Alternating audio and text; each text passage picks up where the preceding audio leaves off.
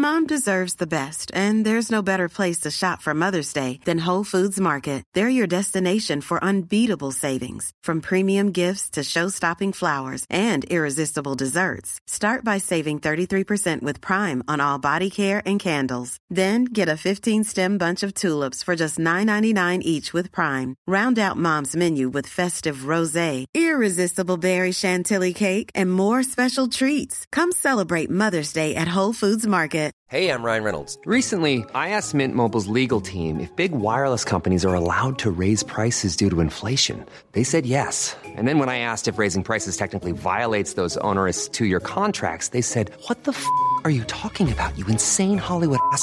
F- So to recap, we're cutting the price of Mint Unlimited from $30 a month to just $15 a month. Give it a try at mintmobile.com slash switch. $45 upfront for three months plus taxes and fees. Promo rate for new customers for limited time. Unlimited more than 40 gigabytes per month. Slows. Full terms at mintmobile.com. A lot can happen in three years, like a chatbot may be your new best friend. But what won't change? Needing health insurance. United Healthcare Tri Term Medical Plans, underwritten by Golden Rule Insurance Company, offer flexible, budget friendly coverage that lasts nearly three years in some states. Learn more at uh1.com.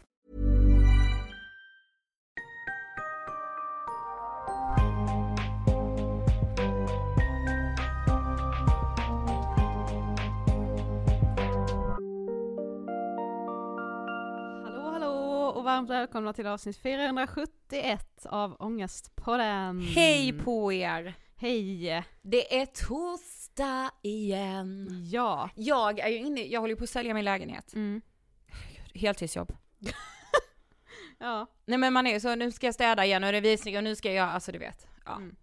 Ilandsproblem though. Men. I-landsproblem. Yes. Ja, ja, om jag får vad jag vill ha för lägenheten givetvis. Ja, jo jo men att då Eh. behöva städa inför en förhandsvisning. Nej, lyx. det är jävligt lyxigt. Ja. det är jättelyxigt, men gud vad man blir stressad av att ha ett sånt projekt. Mm. I va- i visst, alltså man är Mm. ju inte van vid att så, när jag kommer hem vill jag ta det lugnt. Ja men det är väl bara så. Gå ut en, och gå. en del av att vara vuxen är Ja, inte så gud vad det jävla roligt. För jag, alla har frågat mig nu då, för jag la ut på min Instagram att jag säljer min lägenhet. Mm. Och alla bara så, någon ska, ska du flytta hem till Blekinge? Var Mm. ska du Många någonstans? som har tagit det för givet. Ja, att du ska, bara, du nej. säljer du för att lämna Stockholm. Ja, jag bara nej, så jag och min kille ska ju då köpa lägenhet tillsammans. Alltså det är det Ja. vuxnaste jag har hört. Ja. Jag börjar skratta för att det är så, det kan inte stämma. Men vi är där nu. Ja vi är verkligen Mm. det. Jag och min sambo ska jag ju säga, inte kille.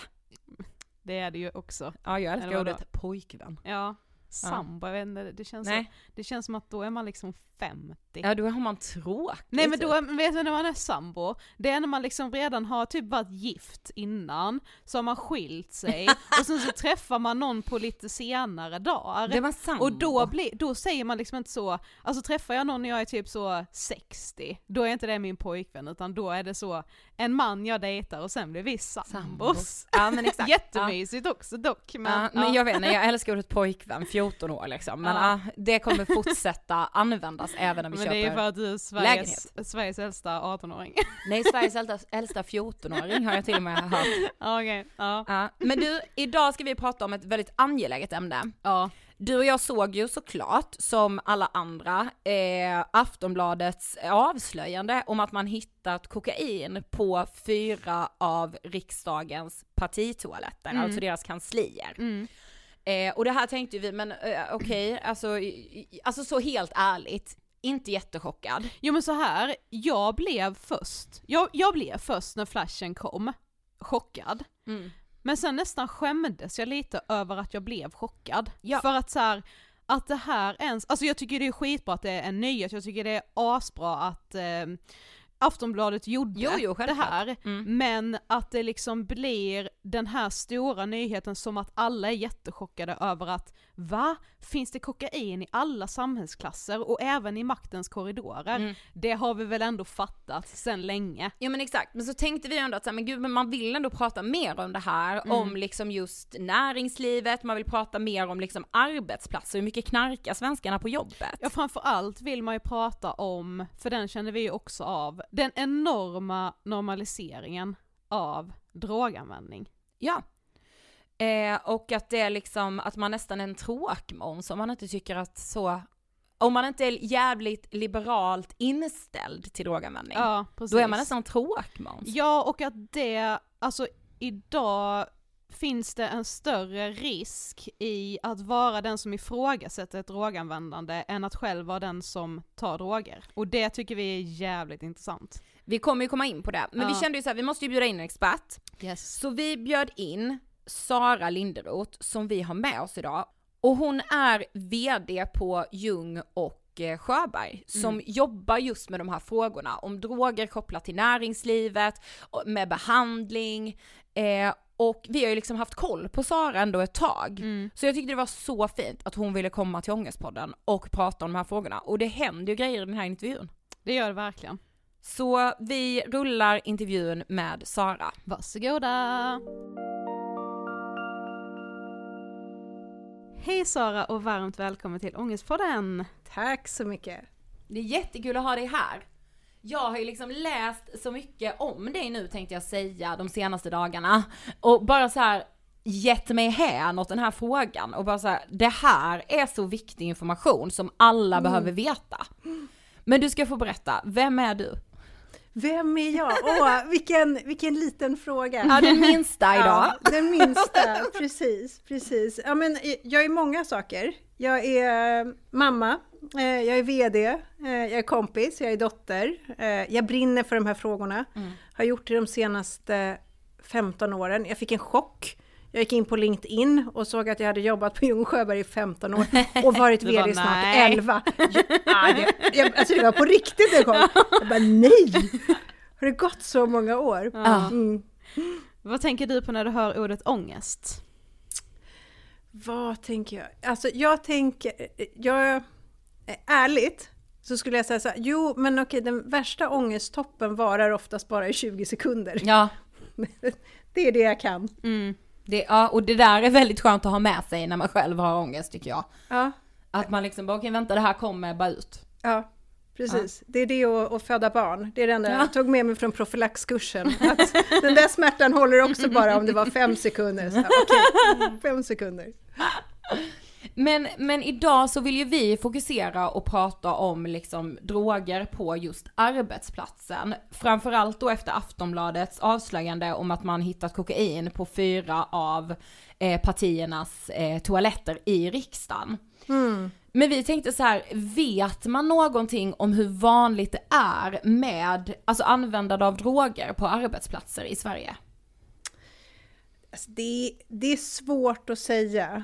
Ehm, men eh, vi har ju ett labora- laboratorium i Sverige som heter Karolinska, eh, där man analyserar arbetsplatstester. Eh, och där kan man ju se att på de senaste tio åren så har det ju varit en hundraprocentig ökning i positiva provsvar. Så att det, det vi ser är ju att det är en, alltså det, det är ju en kraftig ökning. Och ni kommer säkert ställa mycket liksom frågor på det, men man kan säga så här att genomsnittsbefolkningen brukar man säga ungefär 8% Men då har vi ju de äldre generationerna där droger är någonting som upplevs som väldigt, väldigt främmande och jag tror inte jättemycket liksom kanske 50, 60, 70-åringar. Det finns säkert, men det kanske inte är där den stora representationen finns, utan det är ju snarare kanske liksom 20, 30, 40.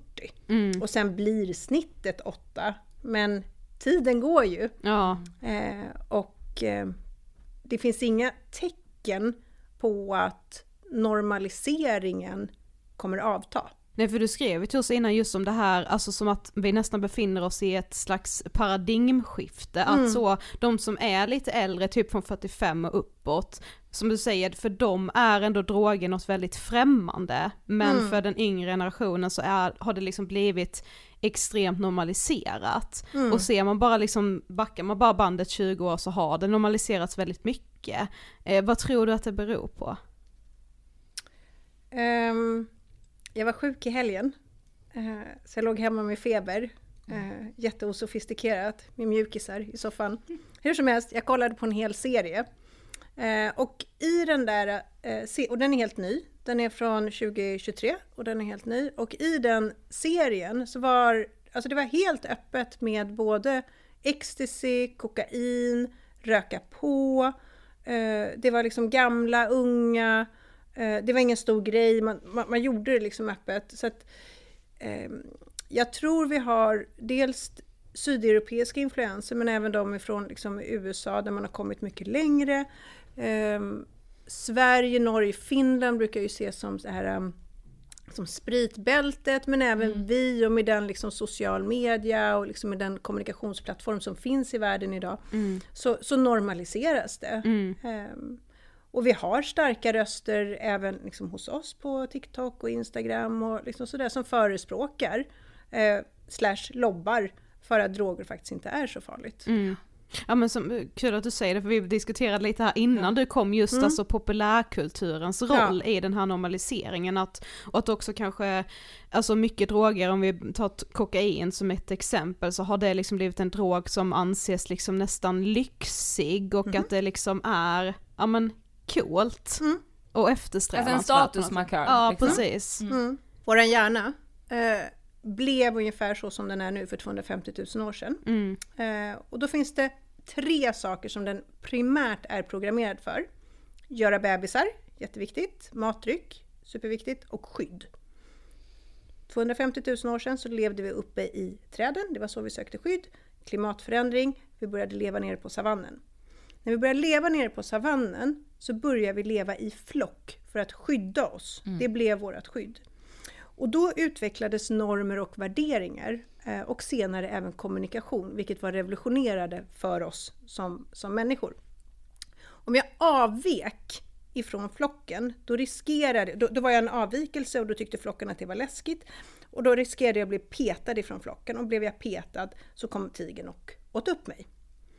Så att om, om, om man bara ponerar, det är ju måndag idag nu när vi spelar Ja, in den här. Ja, och så sitter ni här på Nybrogatan och om ni tänker att ni hade sett någon ett, ett socialt experiment. Eh, att ni hade sett någon utav era bekanta klockan 10 på morgonen sitta på någon utav uteserveringarna här och dricka eh, vin, ett glas vin.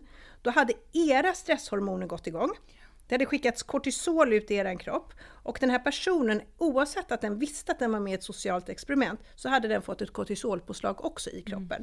Och det är vårat sätt, alltså våra människans sätt då, att säga att det här är fara. Och under många, många år eh, här i Norden, här i Sverige, eh, så har droger signalerat fara. Ja. Det är avvikande, det där är någonting som man dör på studs av eller man ehm, är mindre intelligent eller man, alltså det, det har haft liksom den effekten på oss.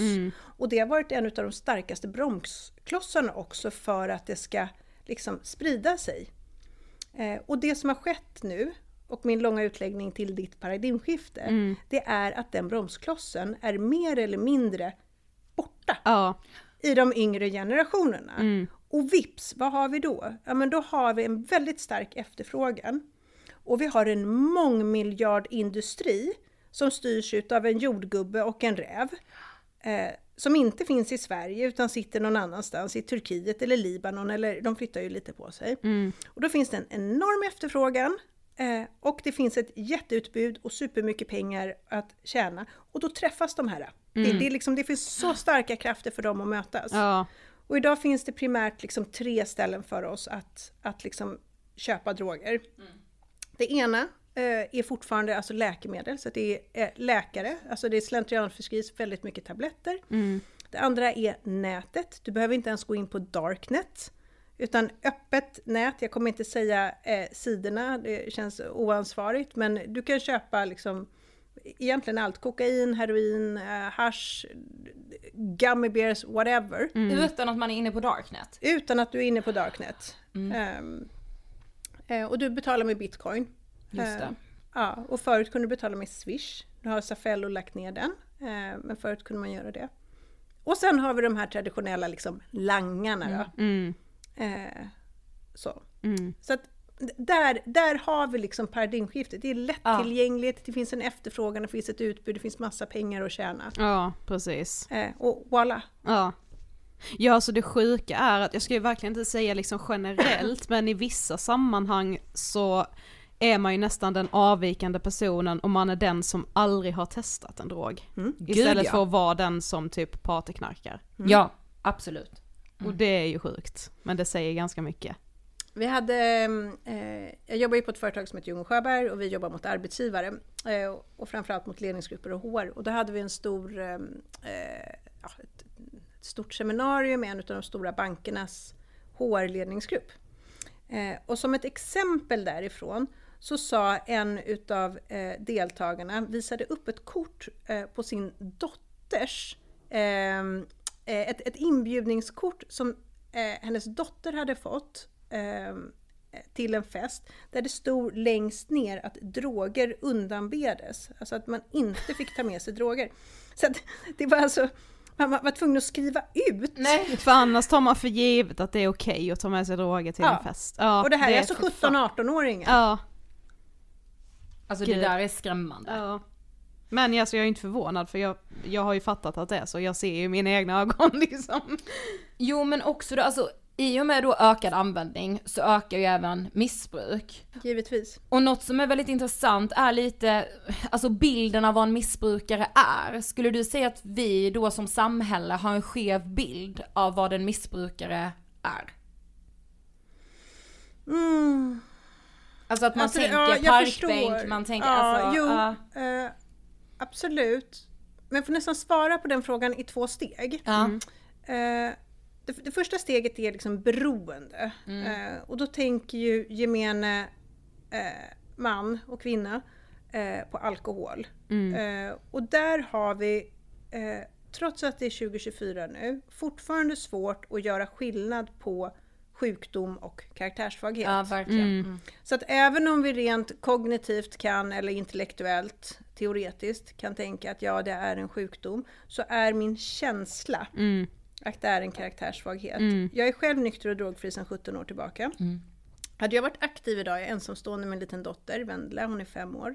Hade jag varit aktiv idag och hon hade kom, försökt komma mellan mig och min drog eller min alkohol, då hade jag gjort det jag fysiskt eller psykiskt behöver göra för att flytta henne som hinder för att få min alkohol eller drog. Exakt. Eh, och nu, nu har jag själv haft den här sjukdomen, jag har jobbat med den både professionellt och eh, eh, ideellt. Och även jag och mitt mammahjärta kan liksom resa sig i bara ren protest över ett sånt faktum. Ja, men vilken, liksom, vilken idiotig förälder skulle kunna göra någonting sånt? Även om jag vet att det är en sjukdom. Det är en kriteriebaserad sjukdom enligt DCM-5. Ja, precis. Alltså WHO-världen har klassificerat det Exakt. som en sjukdom, men det är jätte- jättesvårt. Så, så det är den första grejen. Vi har svårt att göra skillnad på sjukdom och karaktärssvaghet. Det är ett. Den andra delen är ju att om, eh, alltså om, om vi har svårt med alkoholdistinktionen så blir det ännu svårare för oss när det kommer till droger. Eh, eh, för att där, åtminstone om man tänker sig 40 och uppåt, så är ju droger någonting enormt smutsigt.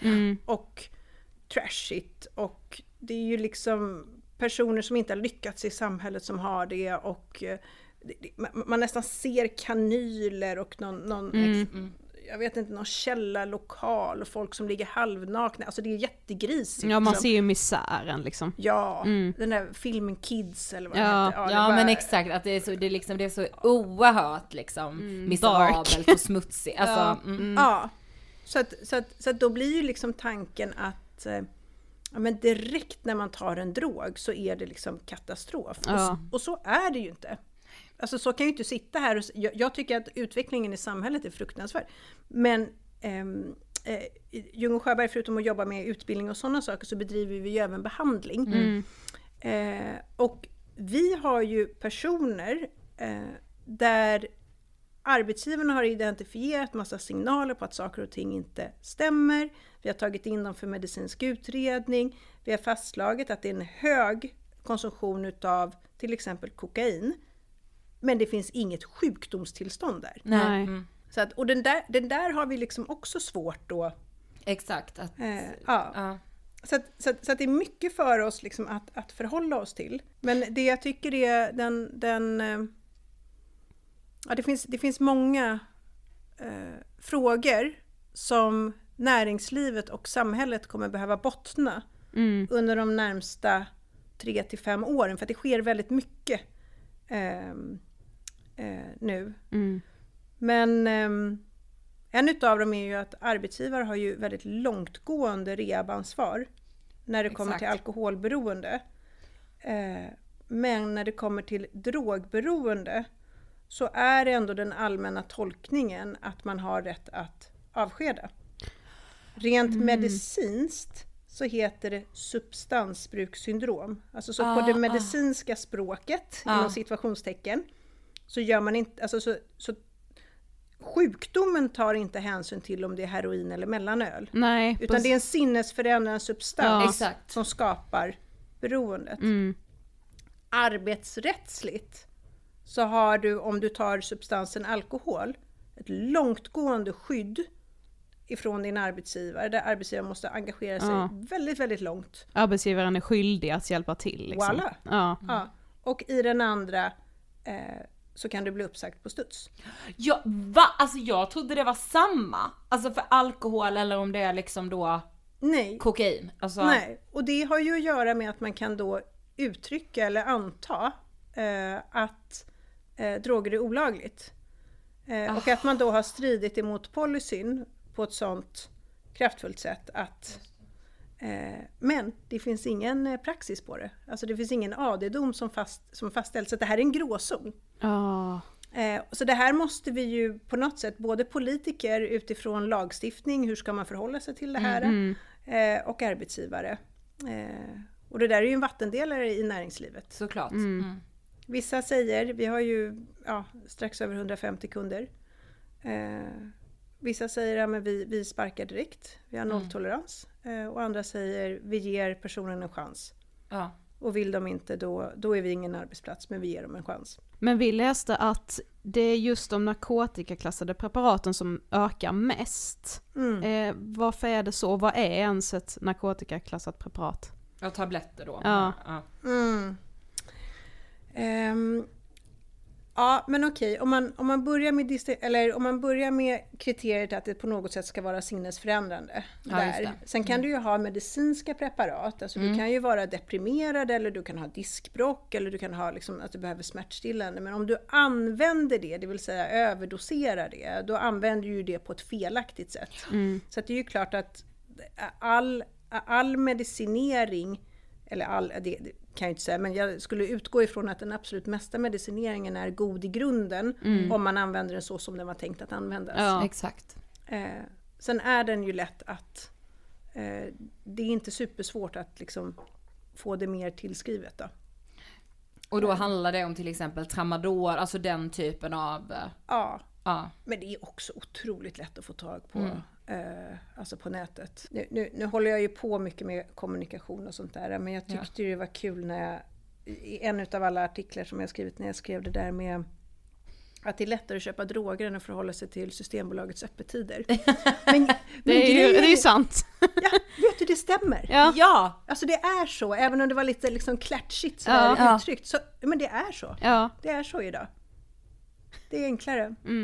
Ja, och då är man liksom, alltså man tänker bara hur, alltså man tänker bara så för unga människor, för alltså hur det kommer in i unga människors liv då, gör entré så tidigt och det är så oerhört lättillgängligt. Sen finns det en ytterligare dimension på det. Ja. Eh, och det är ju att eh, alltså alkohol, även om vi pratar årgångsviner eller fulsprit, så är det ju full man blir. Ja, ja. Alltså så är det ju. Eh, Medan när vi tittar på droger, alltså det har ju så många användningsområden. Ja. Du kan bli pigg, du kan bli smal, du kan bli trött, du kan bli eh, skärpt, du kan bli eh, kreativ. Du- Alltså det, det finns ju för alla eh, situationer. Exakt. Eh, och alkohol har ju en väldigt inrutad plats i våran kultur också. Alltså det är ju kvällar, helger, man kan dricka på morgonen om man ska gifta sig, ta studenten. Ja men exakt. Mm. Men då är man är lite ute busig på Arlanda. liksom. ja. ja precis, då gör man Men ändå då är det för att lite... det är en happening. Ja precis. Men droger, det är mer 24-7. Ja. Ehm, och det tycker jag också är intressant kopplat till den här diskussionen med cannabis. Ja. För några år sedan, då eh, var vi tvungna att utveckla ett behandlingsprogram som heter instegsprogrammet. och det var, och det var, jag tror att det kanske fanns någon tjej med där, men jag skulle säga att det var nästan 90-95% killar, Mm, i 20 till 30 års åldern som hade rökt så pass mycket cannabis att de var kognitivt så pass nedsatta att de inte kunde tillgodogöra sig ett vanligt eh, program.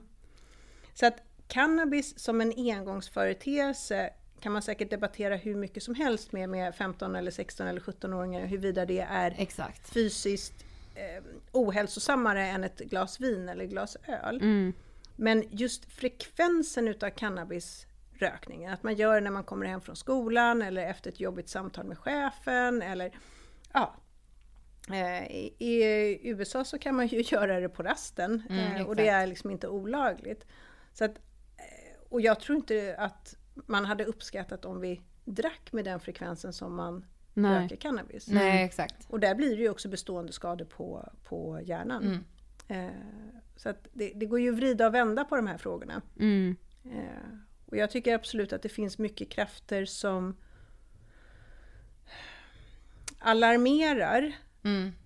Men det finns också väldigt, väldigt mycket krafter som liberaliserar. Mm. Eh, och sen finns det det här fruktansvärt blöta ylletäcket som kallas för skam. Mm. Eh, som på något sätt vill täcka över hela frågan och hoppas att vi bara uh, slipper ta i det. Ja, exakt. Det kan väl fortsätta vara den här härliga rosa elefanten i vardagsrummet och så Mm. Och så nämner vi inget. Ja. förrän det smäller och så råkar det finnas kokain på toaletterna. Mm. Eller någon eh, beviljar blankolån. Eller någonting annat händer och det gör ont. Exakt. Och så tvingas vi vakna upp. Men du, alltså det som jag också tycker är så eh, inspirerande är att du har egna erfarenheter av de här frågorna. Vill du berätta lite vad du har själv för erfarenhet? Alltså det är ju länge sedan nu. Det är ju 17 år sedan. Ehm, så att jag kan ju nästan uppleva att i, i, un, under de 17 åren som jag varit nykter och drogfri eh, så har jag hamnat liksom i den äldre generationen av synsätt på droger. Ja.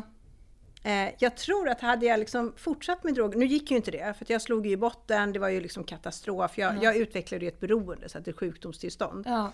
Så hade jag fortsatt eh, ta droger eh, eh, och eller dricka så hade jag ju dött. Eh, så är det.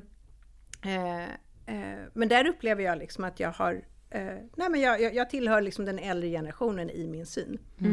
Eh, och jag blev ju exkluderad ifrån min grupp.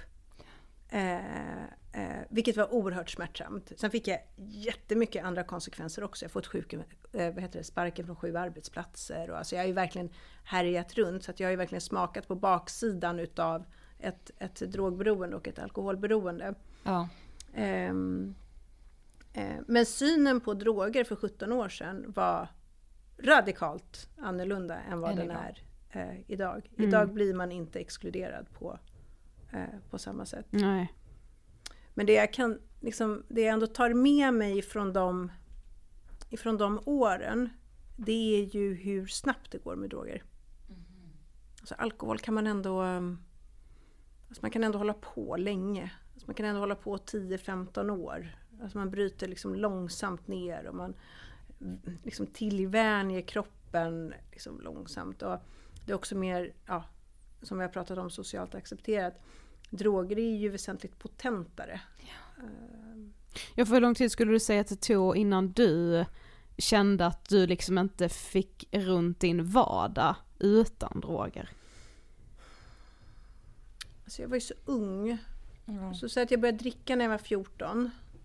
Och sen så blev jag nykter och drogfri när jag var 23. Och det innebar ju också att jag hade ingen plats, all, all- alla de där ung vuxna åren, de försvann ju. Så menar, första hjärtekrossen, eh, att plugga, eh, ja, eh, vara med vänner, resa, alltså allt, allt, lära sig bo själv, ta hand om en egen ekonomi, allt det där var ju bara liksom ground zero. Eh, och det fanns ingenting att, att, att liksom hå- hålla mig uppe kring heller, alltså rutiner, struktur. Så, så att jag följer väldigt handlöst ner i eh, det där. Men eh, en intressant eh, dimension på det, det var ju att drogerna initialt blev lösningen på mitt alkoholproblem. Så att så här, alkohol det är en seduktiv drog. Det betyder att det minskar, alltså den, den trycker ner hjärnaktiviteten. Till slut så tuppar vi av, vi däckar, det finns många Ja. liksom, namn för det där. Mm. Ja. Man blir liksom lite sämre. Och till slut så kommer man inte så långt. Nej precis, man kan varken liksom gå eller prata. Nej. så. Nej, Mm. precis, precis. Kokain, eh, amfetamin, ecstasy, det är någonting som kallas för centralstimulerande, så det ökar hjärnaktiviteten. Mm. Så att för att parera att bli för full, så ehm, Gud, det här låter ju jättehemskt. Det låter som att jag ger tips på när Nej, man ska använda centralstimulerande. Det är verkligen inte min ambition. Men då, då eh, tog jag åtminstone eh, väldiga mängder liksom kokain. Och det gjorde att jag inte däckade. Mm. Sen har ju centralstimulerande den effekten att du äter inte och du dricker inte och du sover inte. Och, alltså sömnlöshet används ju som tortyrredskap i liksom krigsföring så att man blir ju duktigt eh, att, ja, Mm. knäpp. Det blir ju liksom psykoser och delirium och massa grejer utav Ja. det där. ja men det är det som är så dumt för man blir ju förstörd men man känner inte förgörelsen på något sätt på samma sätt. Nej, Förrän det liksom verkligen börjar gå åt helvete tänker jag. Ja, och, och ett beroende handlar ju också om att, och det är därför det finns en enorm sårbarhet för medarbetare som vill utveckla ett beroende mot droger. Ja. Eh, För att när du väl utvecklar ett beroende mot droger, då kommer drogen i första, andra, tredje, alltså jag vet inte hur långt ner liksom, men, men eh, om lojaliteten och kärleken till ditt barn kommer efter din lojalitet till att få droger, då kan man ju bara tänka sig på vilken liksom, plats arbetsgivaren kommer. Ja, ja. väldigt, väldigt, väldigt långt Ganska ner. långt ner, ja. Och ett gram kokain kostar någonstans, ja men säg 700-800 kronor idag. Mm. Ja men kan jag få en medarbetare att bli beroende utav droger eh, och sen istället för att lösa den här skulden som medarbetaren utvecklar istället bevilja ett eh, blankolån här borta eller eh, hålla en lagerdörr öppen eller eh, jag får köra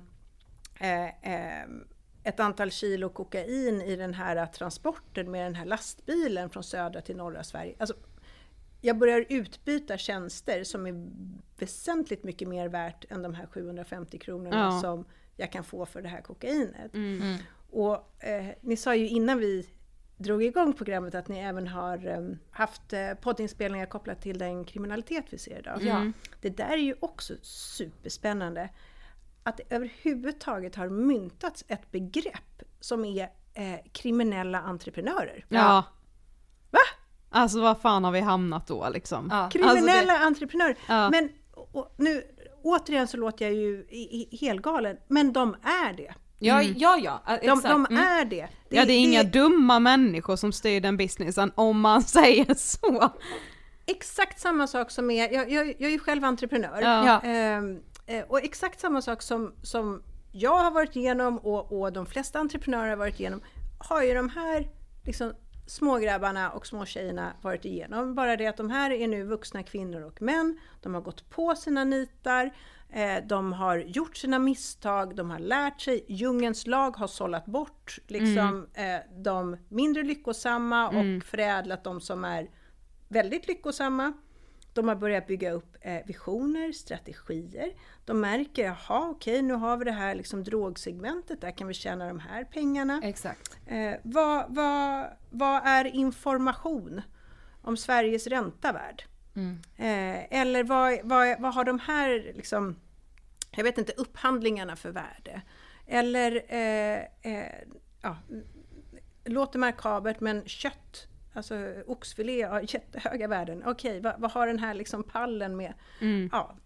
Eh, och så börjar de hitta nya strategier. Okej, nu har vi nått upp till den här nivån, nu är nästa nivå. Och det vi ser nu är ju de här ehm, alltså, kriminella entreprenörerna eh, som börjar utveckla sig, nästla sig in i både näringsliv, politiken eh, och allt mer så fäster de ju sitt grepp om eh, vårt samhälle. Ja, Exakt. det blir ju korruption liksom. Ja. Ja såklart och det blir ju, alltså det blir ju livsfarligt. Mm. Alltså, Och Ja. så blir ändå en väldigt stor del av det finansierat av vanliga Svenssons liksom. Den, eh, den debattartikeln som jag skrev i oktober Mm. var ju en, eh, en reaktion ifrån min sida på statsministerns tal. Mm. Det här har ingenting med mina liksom, politiska åsikter eller partitillhörigheter att göra, men eh, statsministern hade ett tal till nationen kopplat till kriminaliteten. Mm. Och jag bara satt liksom och lyssnade på det och tänkte, men, men när ska han nämna drogerna? Mm. När, men det är ju såklart, jag förstår utifrån ett politiskt perspektiv att man inte kanske vill säga, hörni, svenska folket, ni måste sluta köpa droger för att ni finansierar nämligen den här våldsvågen. Ja. Det kanske inte är populärt liksom för SIFO-undersökningarna och väljar liksom stödet. Men det är ju det, de, de, har ju en direkt korrelation med ja det är klart. Mm.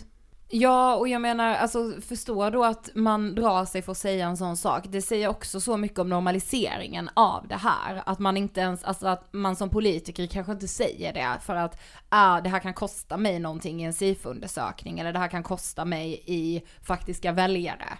För att så normaliserat är det att till exempel partyknarka. Ja, och Nej. inte bara partyknarkare. det Nej ju, utan också då Ja, så många som behöver det för att få sin vardag att gå ihop. Mom deserves the best, and there's no better place to shop for Mother's Day than Whole Foods Market. They're your destination for unbeatable savings, from premium gifts to show-stopping flowers and irresistible desserts. Start by saving 33% with Prime on all body care and candles. Then get a 15-stem bunch of tulips for just $9.99 each with Prime. Round out Mom's menu with festive rosé, irresistible berry chantilly cake, and more special treats. Come celebrate Mother's Day at Whole Foods Market. A lot can happen in three years, like a chatbot may be your new best friend. But what won't change? Needing health insurance. United Healthcare Tri Term Medical Plans, underwritten by Golden Rule Insurance Company, offer flexible, budget friendly coverage that lasts nearly three years in some states. Learn more at uh1.com. Since 2013, Bombas has donated over 100 million socks, underwear, and t shirts to those facing homelessness. If we counted those on air, this ad would last over 1,157 days. But if we counted the time it takes to make a donation possible, it would take just a few clicks. Because every time you make a purchase, Bombas donates an item to someone who needs it. Go to bombas.com slash ACAST and use code ACAST for 20% off your first purchase. That's bombas.com slash ACAST, code ACAST. Men något annat vi tycker är väldigt intressant som man kanske inte pratar så mycket om, det är ju just de här, ja men jag vet att ni eh, också skriver det i ett material om just den här moraliska kompassen och hur den liksom förändras, hur man skjuter på sina gränser och man börjar ljuga, man börjar manipulera. Alltså kan inte du berätta lite, hur kan en sån process se ut? Ehm, ett annat ord som förklarar samma sak är eh, normaliseringseffekten. Eh, liksom effekten. och det intressanta med den också, det är att den sker både för personen som är i beroendet och för dem runt omkring. Ja. Gud alltså det här kan jag relatera till så mycket. Ja. Så, att, så att det man själv accepterade i en relation med en person som har ett beroende år sju är ingenting som man hade accepterat dag sju. Nej, Exakt. precis. Men det sker successivt och med små steg. Och för varje steg eh, så förskjuter man sin gräns för att det är jobbigt att ta den liksom långsiktiga konsekvensen. Och, och, vi, och vi människor är ju eh, fantastiskt kortsiktiga ibland. Alltså jag, jag älskar liksom människan i sin helhet. Alltså jag tycker det och eh, det vill jag också understryka. Jag tror oerhört starkt på, på godheten i henne. Eh, och kraften som finns i att vill vi använda det till någonting positivt, ja men då kan vi flytta berg. Men det finns ju också saker i oss som är, ja, som till exempel vår kortsiktighet. Eh, och jag är inte eh, bättre eller sämre än, än någon annan på den aspekten heller. Ehm, men istället för att ta den där liksom fighten, istället för att eh, avbryta användandet utav en drog, så ger jag mig själv en liten lögn istället. Eh, och sen så tar jag ytterligare ett steg. Eh, och så, ja men okej, in, inte nu heller, men jag, jag, jag gör bättre nästa gång.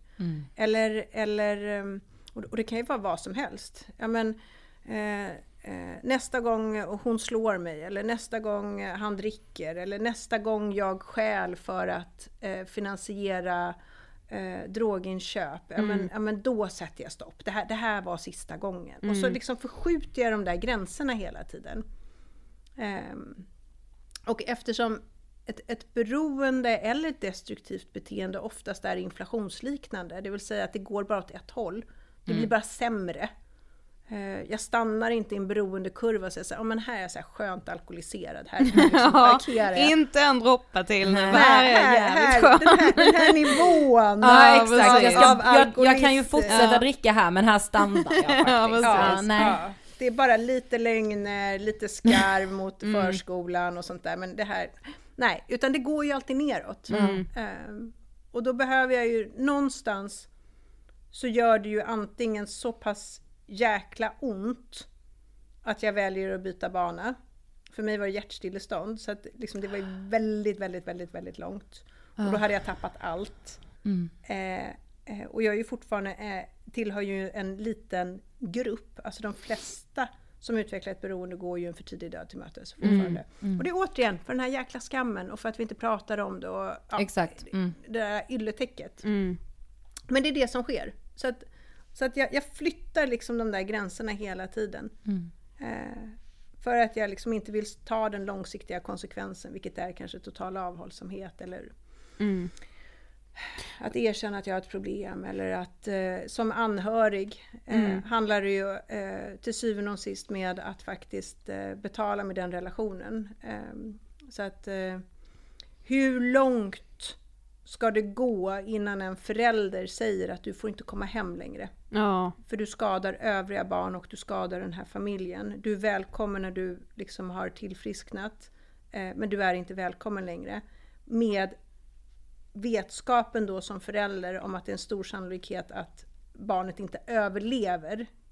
Utan tar en överdos där ute. Så, så det ska jättelång tid. mm. Ehm, Men jag tänker bara om man liksom, alltså om man bara, bara ska jag inte säga men om man är vän så tänker jag att man också gör den där eh, samma förskjutning nästan, att man så här, ja men så länge hon liksom fortfarande går till jobb jobbet så är det ju inget missbruk, eller Nej. när hon, hon kan ju fortfarande liksom, hon är ju fortfarande hygienisk och Ja, ser ja. frisk ut, hon ser inte ut att ha ett missbruk, alltså att man, man gör den förskjutningen som vän också för att man vill ju inte liksom Jag vet inte, det är väl kanske någonting också med normaliseringen som gör att om man är den som börjar ta upp att man är orolig så är man den som överdriver och överreagerar. Att man alltså är det någon är ju verkligen, jag säger inte Nej, att det är exakt. fakta men det är känslan att man, ja, att man blir typ alarmisten Mm. som bara så, ja men jag tycker inte det är okej att du, nu tar du liksom droger varenda gång vi ska ut, jag Mm. känner när vi sitter på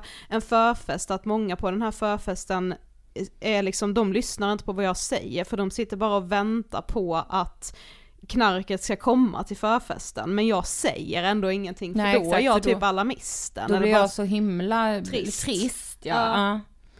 Men tycker ni inte att det här är superspännande?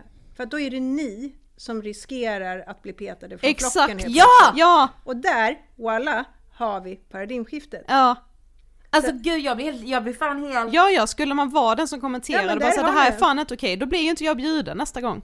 Nej, men Nej, där exakt. har du det! Ja. Du riskerar att bli petad ifrån flocken Ja. och därför säger du ingenting. Nej. Och där har vi paradigmskiftet som har skett. Ja. Svart Och det har skett så extremt tydligt. Jag tror att liksom alla som lyssnar på det här kommer kunna relatera till Absolut. den känslan liksom. Vare sig man själv har tagit eller tar droger eller bara är den där vännen som inte säger någonting. Jag, jag, jag möter ju alltså på veckobasis eh, fortfarande jättestarka röster som säger att ja, men det här är inte så farligt, det där är en överdrift. Eller så här såg det ut på 70-talet också. Eller jag har hört det här tidigare. Ehm, eh, och jag menar ju bestämt att nej men så är det inte. Eh, utan... Ja men för vad ska man ha för argument? Om någon drar 70-talet som ett argument till att så, ja. men då rökte man ju liksom cannabis, liksom det var så tjohejsan hela tiden liksom. Vad ska man ha för argument? Alltså, Ja, att eh, den typen utav cannabisrökning fortfarande var hyfsat begränsad eh, om man jämför det med dagens, eh, dagens mått. Mm. Eh, men jag hade ju någon liten dröm eh, om att på något sätt få till ett, ett, ett upprop. Eh, och jag vet inte hur eh, eh, jag ska lyckas med det, jag tar jättegärna tips. Eh, men tänker typ som metoo, fast på något sätt liksom jag ser det också. För jag tror att det är svårt att få folk att säga ja men jag tar också droger. Ja. Men på något sätt så skulle man behöva få upp det till ytan och det är ju inte jag. Eh, alltså jag är 40. ehm, eh, jag är småbarnsmamma. Eh, och driver ett bolag som jobbar med alkohol och drog liksom, problematik i näringslivet. Jag är ju en röst, men de rösterna, det är ju snarare ni och de som är 20 som bara snälla reser upp och säger att så här ser det ut. Men jag tror som du säger Sofie, så många som lyssnar på det här relaterar ju nu till den här diskussionen vi har. I att vara den där vännen som sitter där och man känner att det blir obekvämt men man känner att fast säger jag någonting, alltså fuck, jag kommer inte bli bjuden Alltså det får, eller ju, jag kommer... det får ju större konsekvenser, det riskerar att få större konsekvenser att vara den som inte tar droger än att vara den som tar droger. Ja, Panik, Alltså- alltså, så får det inte, nej panik Ja. får jag av det. Ja men det är ja ju, men, men med risk för att liksom spontan uttrycka mig, jag älskar att ni säger det. jo men Alltså, det är ju jo, men jag sanningen. älskar att ni säger det. Ja, Kan någon och kan fler bara säga det? Ja, det, För sen det, så här, så är alla som tar droger kommer inte utveckla ett beroende, men Nej. alla som Nej, tar droger har direkt koppling med kriminella. Ja. Exakt. Och en stor andel utav de som tar droger kommer utveckla ett beroende. Mm. Så, så, så liksom, så, så är det. Eh, så att det finns konsekvenser kopplat till det här. Ja och det är ju de här diskussionerna som är så viktiga för en själv. För att alltså när jag då ställer mig själv frågan, fast vill jag vara den personen som ser det här hända gång på gång på gång på gång, blir obekväm men inte säger någonting. I andra sammanhang har jag väl jättelätt för att berätta om jag känner att något skaver eller att något är men, och det vill jag ju vara i de här sammanhangen också. Jag vill ju inte vara den som sitter där knäpptyst och bara, no, jag är ju med av, no, eh, jag blir ju en del av normaliseringen. Ja men det är ju också jävligt lätt att säga att man inte vill vara det men man vill väl ännu mindre vara den som blir utesluten från gruppen. Ja ja, alltså så är det ju. Alltså, Men jag menar vi är ändå det är så två, djupt alltså. ja. programmerat i oss. Återigen, vi ska göra bebisar, vi ska äta och dricka och vi ska skydda oss. ja, det är ju en Och att bli del av socialt hela... exkluderad. Det är det bara värsta ser som kan genom hända. världshistorien vad grupptryck Ja. Aha, eh, exakt. har åstadkommit med och hur det kan hålla ihop. Oavsett om det är negativt eller positiva mm. beteenden Mm. för oss som mänsklighet så är det ju en enormt eh, stark kraft. Mm. Ehm, så att ja, det är jättesvårt att, att, att bryta sig loss ifrån det Mm. eh, och välja en annan väg. Mm. Eh, Men det här gör ju också återigen då att vi har, eh, får man nog ändå säga att merparten utav de som fattar beslut i vårt samhälle är ändå 40 och uppåt. Ja, Oavsett ja, om man tittar på näringsliv, politiker etc. Ja. Mm, och de har ju då min syn Mm. eh, och värre. Eller mer eh, eh, naivt. Ja. Ja, och sen så har vi er syn då. Där bara, ja men okej, var och varannan person gör det på alla fester vi går. Eh, jag skulle vilja säga någonting men jag riskerar att, ja, ja, Mm. Blir utesluten. ja så jag gör inte det. Mm. Eh, Och dessutom är det ju jättemånga i den här gruppen som vill fortsätta ta droger. Ja. Så det är klart att inte de kommer höja sina röster. Nej. Och då har vi personer som stiftar lagar och sätter spelreglerna i, i näringslivet. Och sen så har vi de som nyttjar och eh, de här två grupperna möts ju inte. Nej, Nej, exakt. precis. Det är ju, ja, Mm. nu, De är väldigt långt ifrån varandra. vi är väldigt långt ifrån varandra. Eh, och då har vi den här situationen som vi har nu. Mm. Eh, radikalt möjligtvis, men på något sätt så kan jag ändå tycka att det är bra att det kommer upp till ytan. För det är ju inte så att de här exemplen som vi nu ser med SCB eller med eh, de här liksom, eh, kokainet inne på eh, kanslin, Ja. ja, så här. det är ju inte Alltså det är ju bara symptomer på ett väldigt stort underliggande eh, problem. Mm. Eh, så att på något sätt så är det ju ändå bra att det kommer upp till ytan för att väcka någon form av debatt Ja. och förändring. Mm. Sen måste jag ju ändå ge eh, näringslivet cred. Vi, vi, ja, förutom den här rehaben och utbildningen så jobbar vi även med arbetsplatstester. Och det har ju skett en dramatisk förändring eh, i eh, användningen utav det. Förut var det ju nästan bara kopplat till eh, alltså, eh, transport, logistik, Ja, eh, just det. sådär. Ja. För att då kopplade man nämligen säkerhet med den fysiska säkerheten. Ja, exakt. Eh, och nu börjar ju bolagen se på det något annorlunda. Det är, alltså tjänstemannasektorn börjar ändå titta på arbetsplatstester och säga vi vill vara en arbetsplats fri från droger. Ja. Mm, just det. Ehm, ja. Men om man nu bara ser då till arbetsplatserna, om man liksom är eh, orolig för en kollega, eh, vad, vad kan man göra då? Jag tycker absolut att man ska adressera frågan Mm. eh, med kollegan. Eh, och egentligen också med arbetsgivaren. Ehm, min, min tro, men det är ju liksom utifrån mitt eh, värderingsperspektiv och också eh, jag fick jättemycket hjälp när jag nådde min botten och hade jag inte fått det idag då hade jag inte levt. Eh, och jag tycker ändå att jag är en hyfsat liksom, produktiv samhällsmedborgare eh, idag. Så att jag vet ju att får man hjälp så kan man komma tillbaka och det finns inga, absolut inga hopplösa fall. Nej. Det är super, super viktigt. Mm. Alltså, oj vad, alltså vi, vi, har- jag har mött människor som har Ja men du vet när man möter dem och så tittar man dem i ögonen och så finns det inget liv. Det är bara, det är bara borta. Mm. Det, är bara, det är bara dött. Liksom. Och det går väldigt snabbt. Eh, till att få en liten spark liksom, i den där ögonen. Ett litet, litet hopp och ett litet, litet steg. Och sådär. Så det går verkligen att komma tillbaka. Men man behöver hjälp. Och min absoluta förhoppning är ju att näringslivet landar ändå in i, både utifrån ekonomiska och säkerhetsmässiga och humana liksom, perspektiv, att det är värt att rehabilitera eller att ge människor en chans oavsett en arbetslagstiftning som är väldigt vag idag. Om man nu ändå inte väljer att göra det så är fortfarande det absolut värsta för en person med ett beroende är att gå konsekvenslös.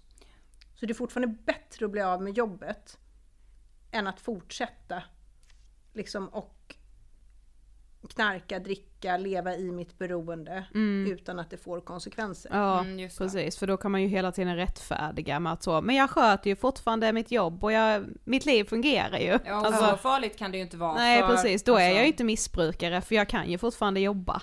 Ja. Ja. Nej, precis. Vi, eh, när- när vi startade Ljung och Sjöberg, det är ju massa år sedan, 17, 18, 19 år sedan. Men eh, det var ett gäng personer som själva hade haft sådana här resor. Eh, och då träffades de på självhjälpsmöte, så AA, NAD. Mm.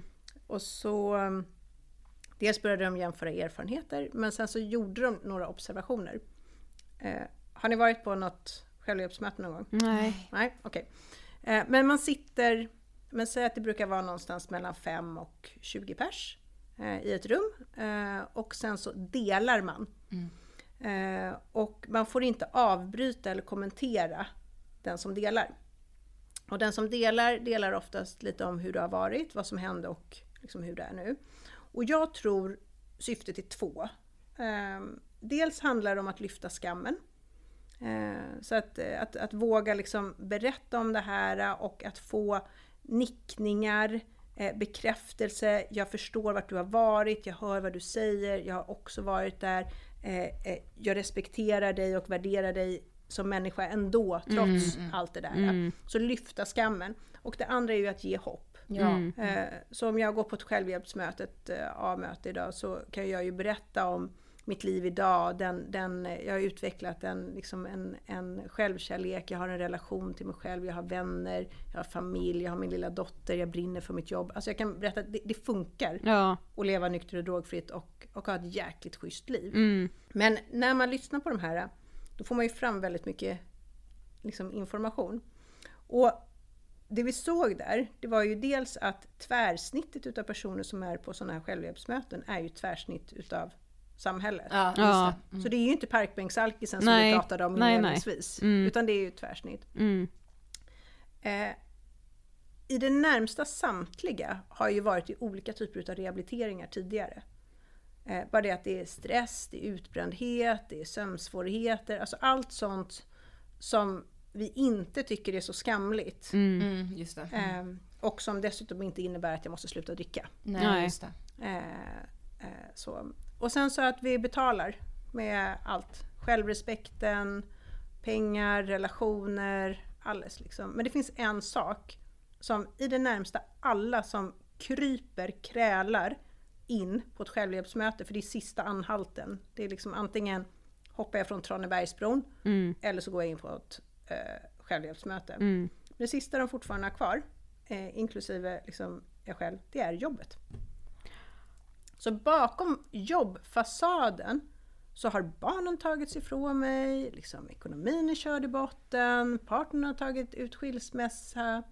Ja, eh, det är liksom... Det är ju Det är jätteintressant. trauman, alltså djupa Men- trauman.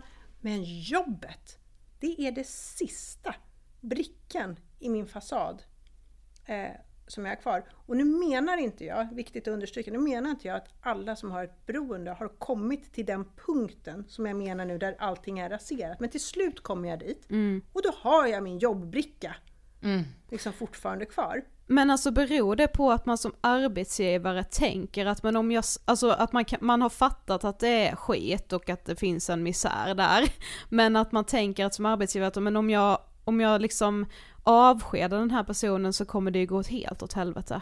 Eller Nej. liksom vad, hur, kan, hur kan jobbet vara det sista som är kvar? Alltså, Vi, tillfråg, vi gjorde en studie, så vi tillfrågade 10 000 chefer. Eh, om du känner en oro för en medarbetare och du tror att det handlar om ett beroende, eh, varför agerar du inte? Ja. Och då säger i det närmsta samtliga, tänk om jag har fel.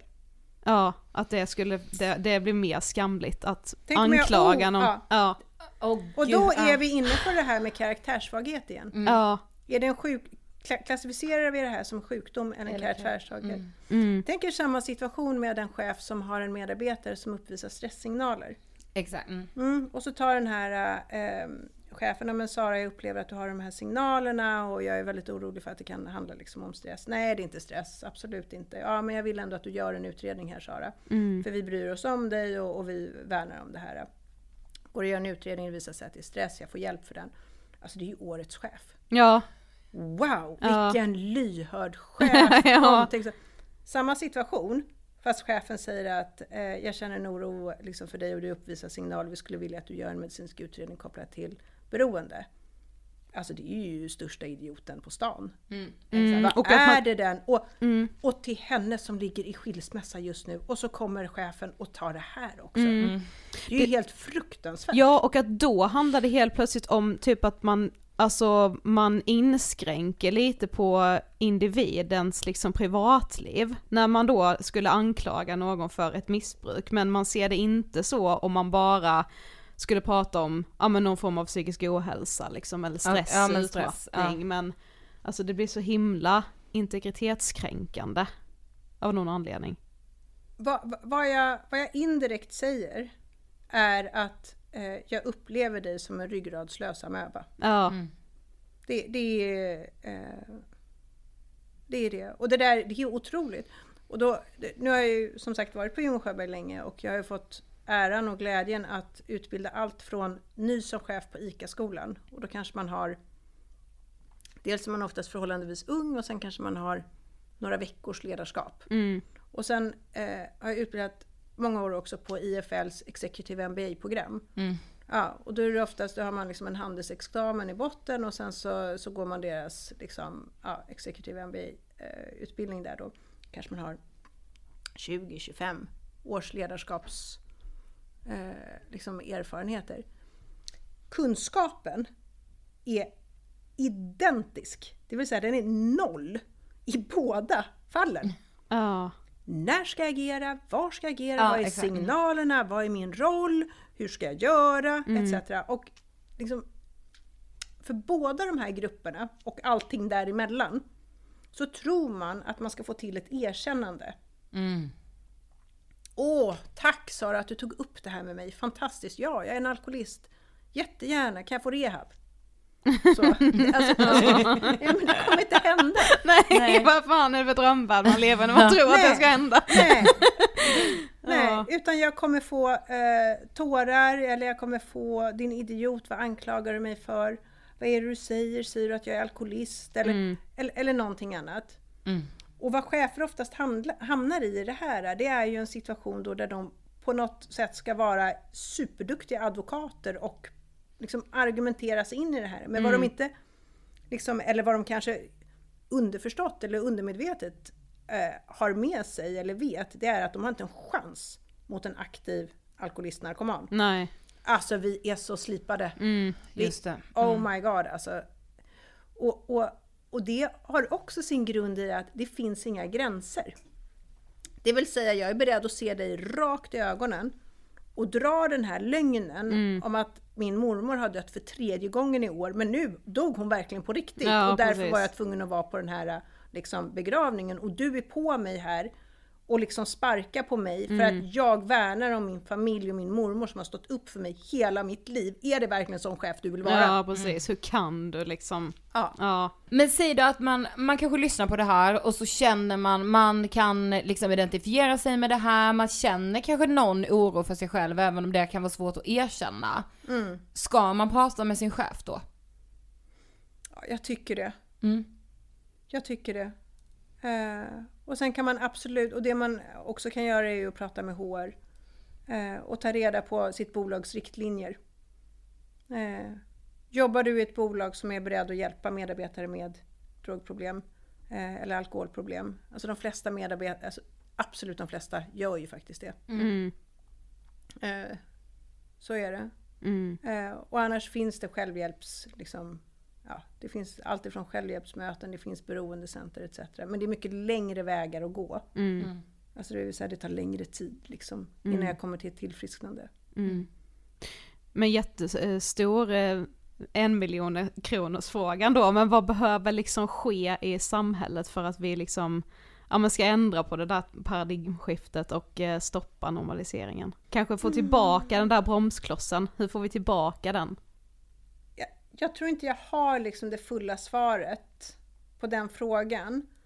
Ehm, men för mig själv personligen, när det har varit saker och ting som jag behöver förändra hos mig, så har ju insikten om att det är ett problem varit det första och viktigaste steget. Mm. Eh, och jag tänker att det är det här också.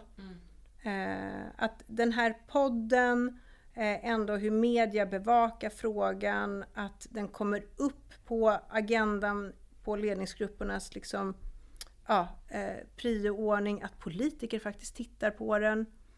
Eh, så vi, vi måste lyfta frågan. Mm. Eh, eh, och på bred front ändå liksom se att det här får långtgående konsekvenser.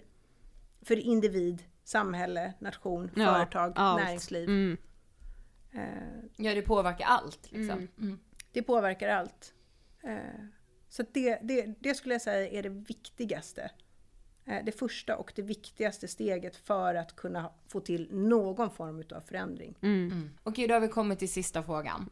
Vad inspirerar dig? Alltså i ditt arbete tänker jag framför allt. Mm. Alltså jag, jag har en sak som står högst på min eh, och det är både privat och professionellt. Ehm, men det är eh, modiga människor eh, som vågar lyssna på sitt inre och följa det. Eh, no matter what. För det finns så mycket strukturer i samhället och det finns så mycket liksom det här får man göra, det där får man inte göra eller liksom så här ska det vara.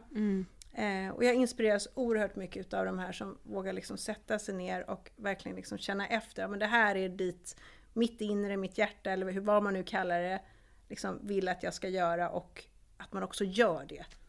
Eh, och det kan vara små och stora saker.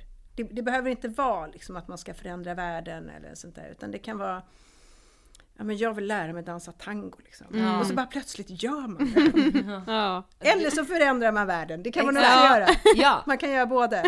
Ja. precis. underbart. Tack så jättemycket för att du ville ge stånget på den. Mm, tack själva. Tack. Alltså du vet det var ju verkligen inte meningen att det här paradigmskiftet skulle utspela sig i poddintervjun. Nej men det utkristalliserade sig som att säga, ja men här har vi det det. gjorde ju det även för mig själv, alltså jag, Ja. jag insåg att anledningen till varför jag inte säger någonting är en extrem rädsla att bli utesluten från gruppen. Mm.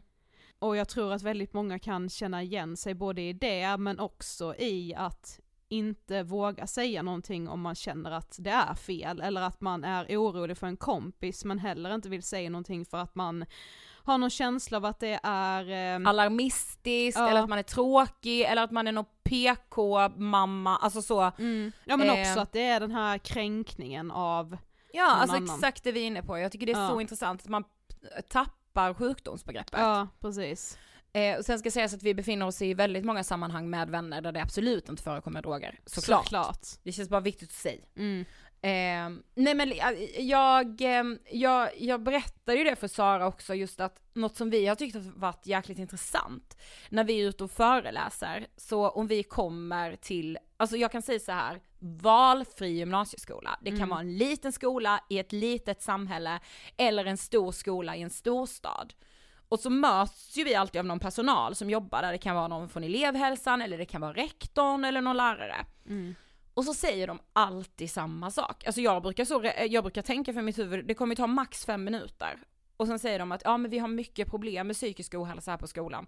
Men vi har ju också jäkligt mycket problem med droger. Ja, Det där- kvittar var vi kommer. Ja och där ser vi en jättestor förändring bara från när vi gick i gymnasiet och Mm. det liksom det hände att, att liksom elever åkte fast för Mm. antingen droganvändning eller att man liksom, ja men att man var i kontakt med droger på något sätt. Men det blev liksom en grej om det hände, för Ja, att det var ju liksom inte att det hände på daglig basis eller att det var liksom Nej men det händer ju en inte ens på stor grupp, nej nej eller att det var liksom, det, nu gäller det här alla de här, utan Nej. det var en enskild elev och då blev det verkligen en snackis. Men nu är det någonting skolor har problem. Ja och som vi var inne på också med Sara att så här, alltså idag är det liksom inte ens att man ställs inför valet och att det skulle vara någon slags dealbreaker i så ska jag eller ska jag inte utan att testa droger har liksom blivit en del av att börja festa. Ska jag säga mer vad som är, alltså på tal om det här paradigmskiftet vi, vi, vi pratar om, alltså Mm. eh, vissa politiker har höjt sina röster och varit så här, men man finansierar alltså de kriminella nätverken. Då blir ju de nästan förlöjligade av att de säger det. Ja, Va? ja, Det är ju till Det är ju syvende och sist det är det ju bara fakta. ja. Sen att de själva ju obviously också gör det med tanke på vad Aftonbladet nu Mm. avslöjade. En annan intressant sak som Sara sa eh, när vi hade stängt av mickarna, det är ju just det här med att man liksom har lagstiftat om att man inte får drogtesta politiker eller personal inom offentlig sektor. Ja men ja, och politikerna är ju en del av Ja, offentlig Ja, sektor. men Alltså, jag alla menar jag alla offentlig. alltså poliser, eh, Ja. förskolepersonal, lärare, eh, sjukvårdspersonal, alltså du får inte drogtesta. Varför Jag inte då? Inte. Ja, vad i helvete? Ja och inte för, och alltså med den sak, alltså då, och då menar ju inte jag för att man ska sätta dit någon och säga fy fy fy fy vilken dålig kar- person du är, vilken dålig karaktär du Man har. ska ju hjälpa man ska de som hjälpa de personerna. Ja. Vad är, alltså va? ja fast också lite liksom, jag vill inte riskera att komma till en vårdcentral och sen så är liksom läkaren jag träffar hög.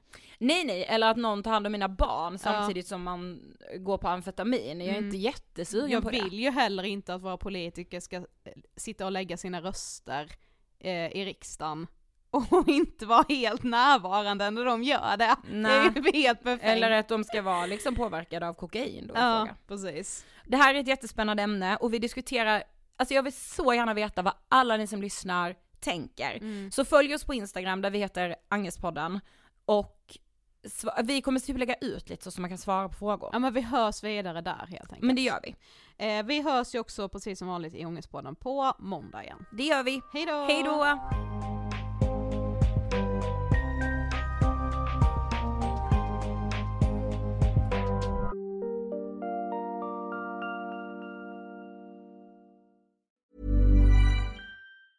Mom deserves the best, and there's no better place to shop for Mother's Day than Whole Foods Market. They're your destination for unbeatable savings, from premium gifts to show-stopping flowers and irresistible desserts. Start by saving 33% with Prime on all body care and candles. Then get a 15-stem bunch of tulips for just $9.99 each with Prime. Round out Mom's menu with festive rosé, irresistible berry chantilly cake, and more special treats. Come celebrate Mother's Day at Whole Foods Market. Okay, I have two new obsessions that I need to share with you Impress No Glue Press On Manis and Impress Press On Falsies Lashes. Trust me, these are getting ready game changers. Both require no glue, so there is no damage to your natural nails and lashes, no mess, and no annoying dry times. Just one step and you're done. Boom. Instant glam. Visit impressbeauty.com slash presson and use code PRESSON25 at checkout for 25% off Impress Manicure and Press-On Falsies. Planning for your next trip? Elevate your travel style with Quince. Quince has all the jet-setting essentials you'll want for your next getaway, like European linen, premium luggage options, buttery soft Italian leather bags, and so much more. And is all priced at 50 to 80% less than similar brands. Plus, Quince only works with factories that use safe and ethical manufacturing practices. Pack your bags with high-quality essentials you'll be wearing for vacations to come with Quince. Go to quince.com/pack for free shipping and 365-day returns.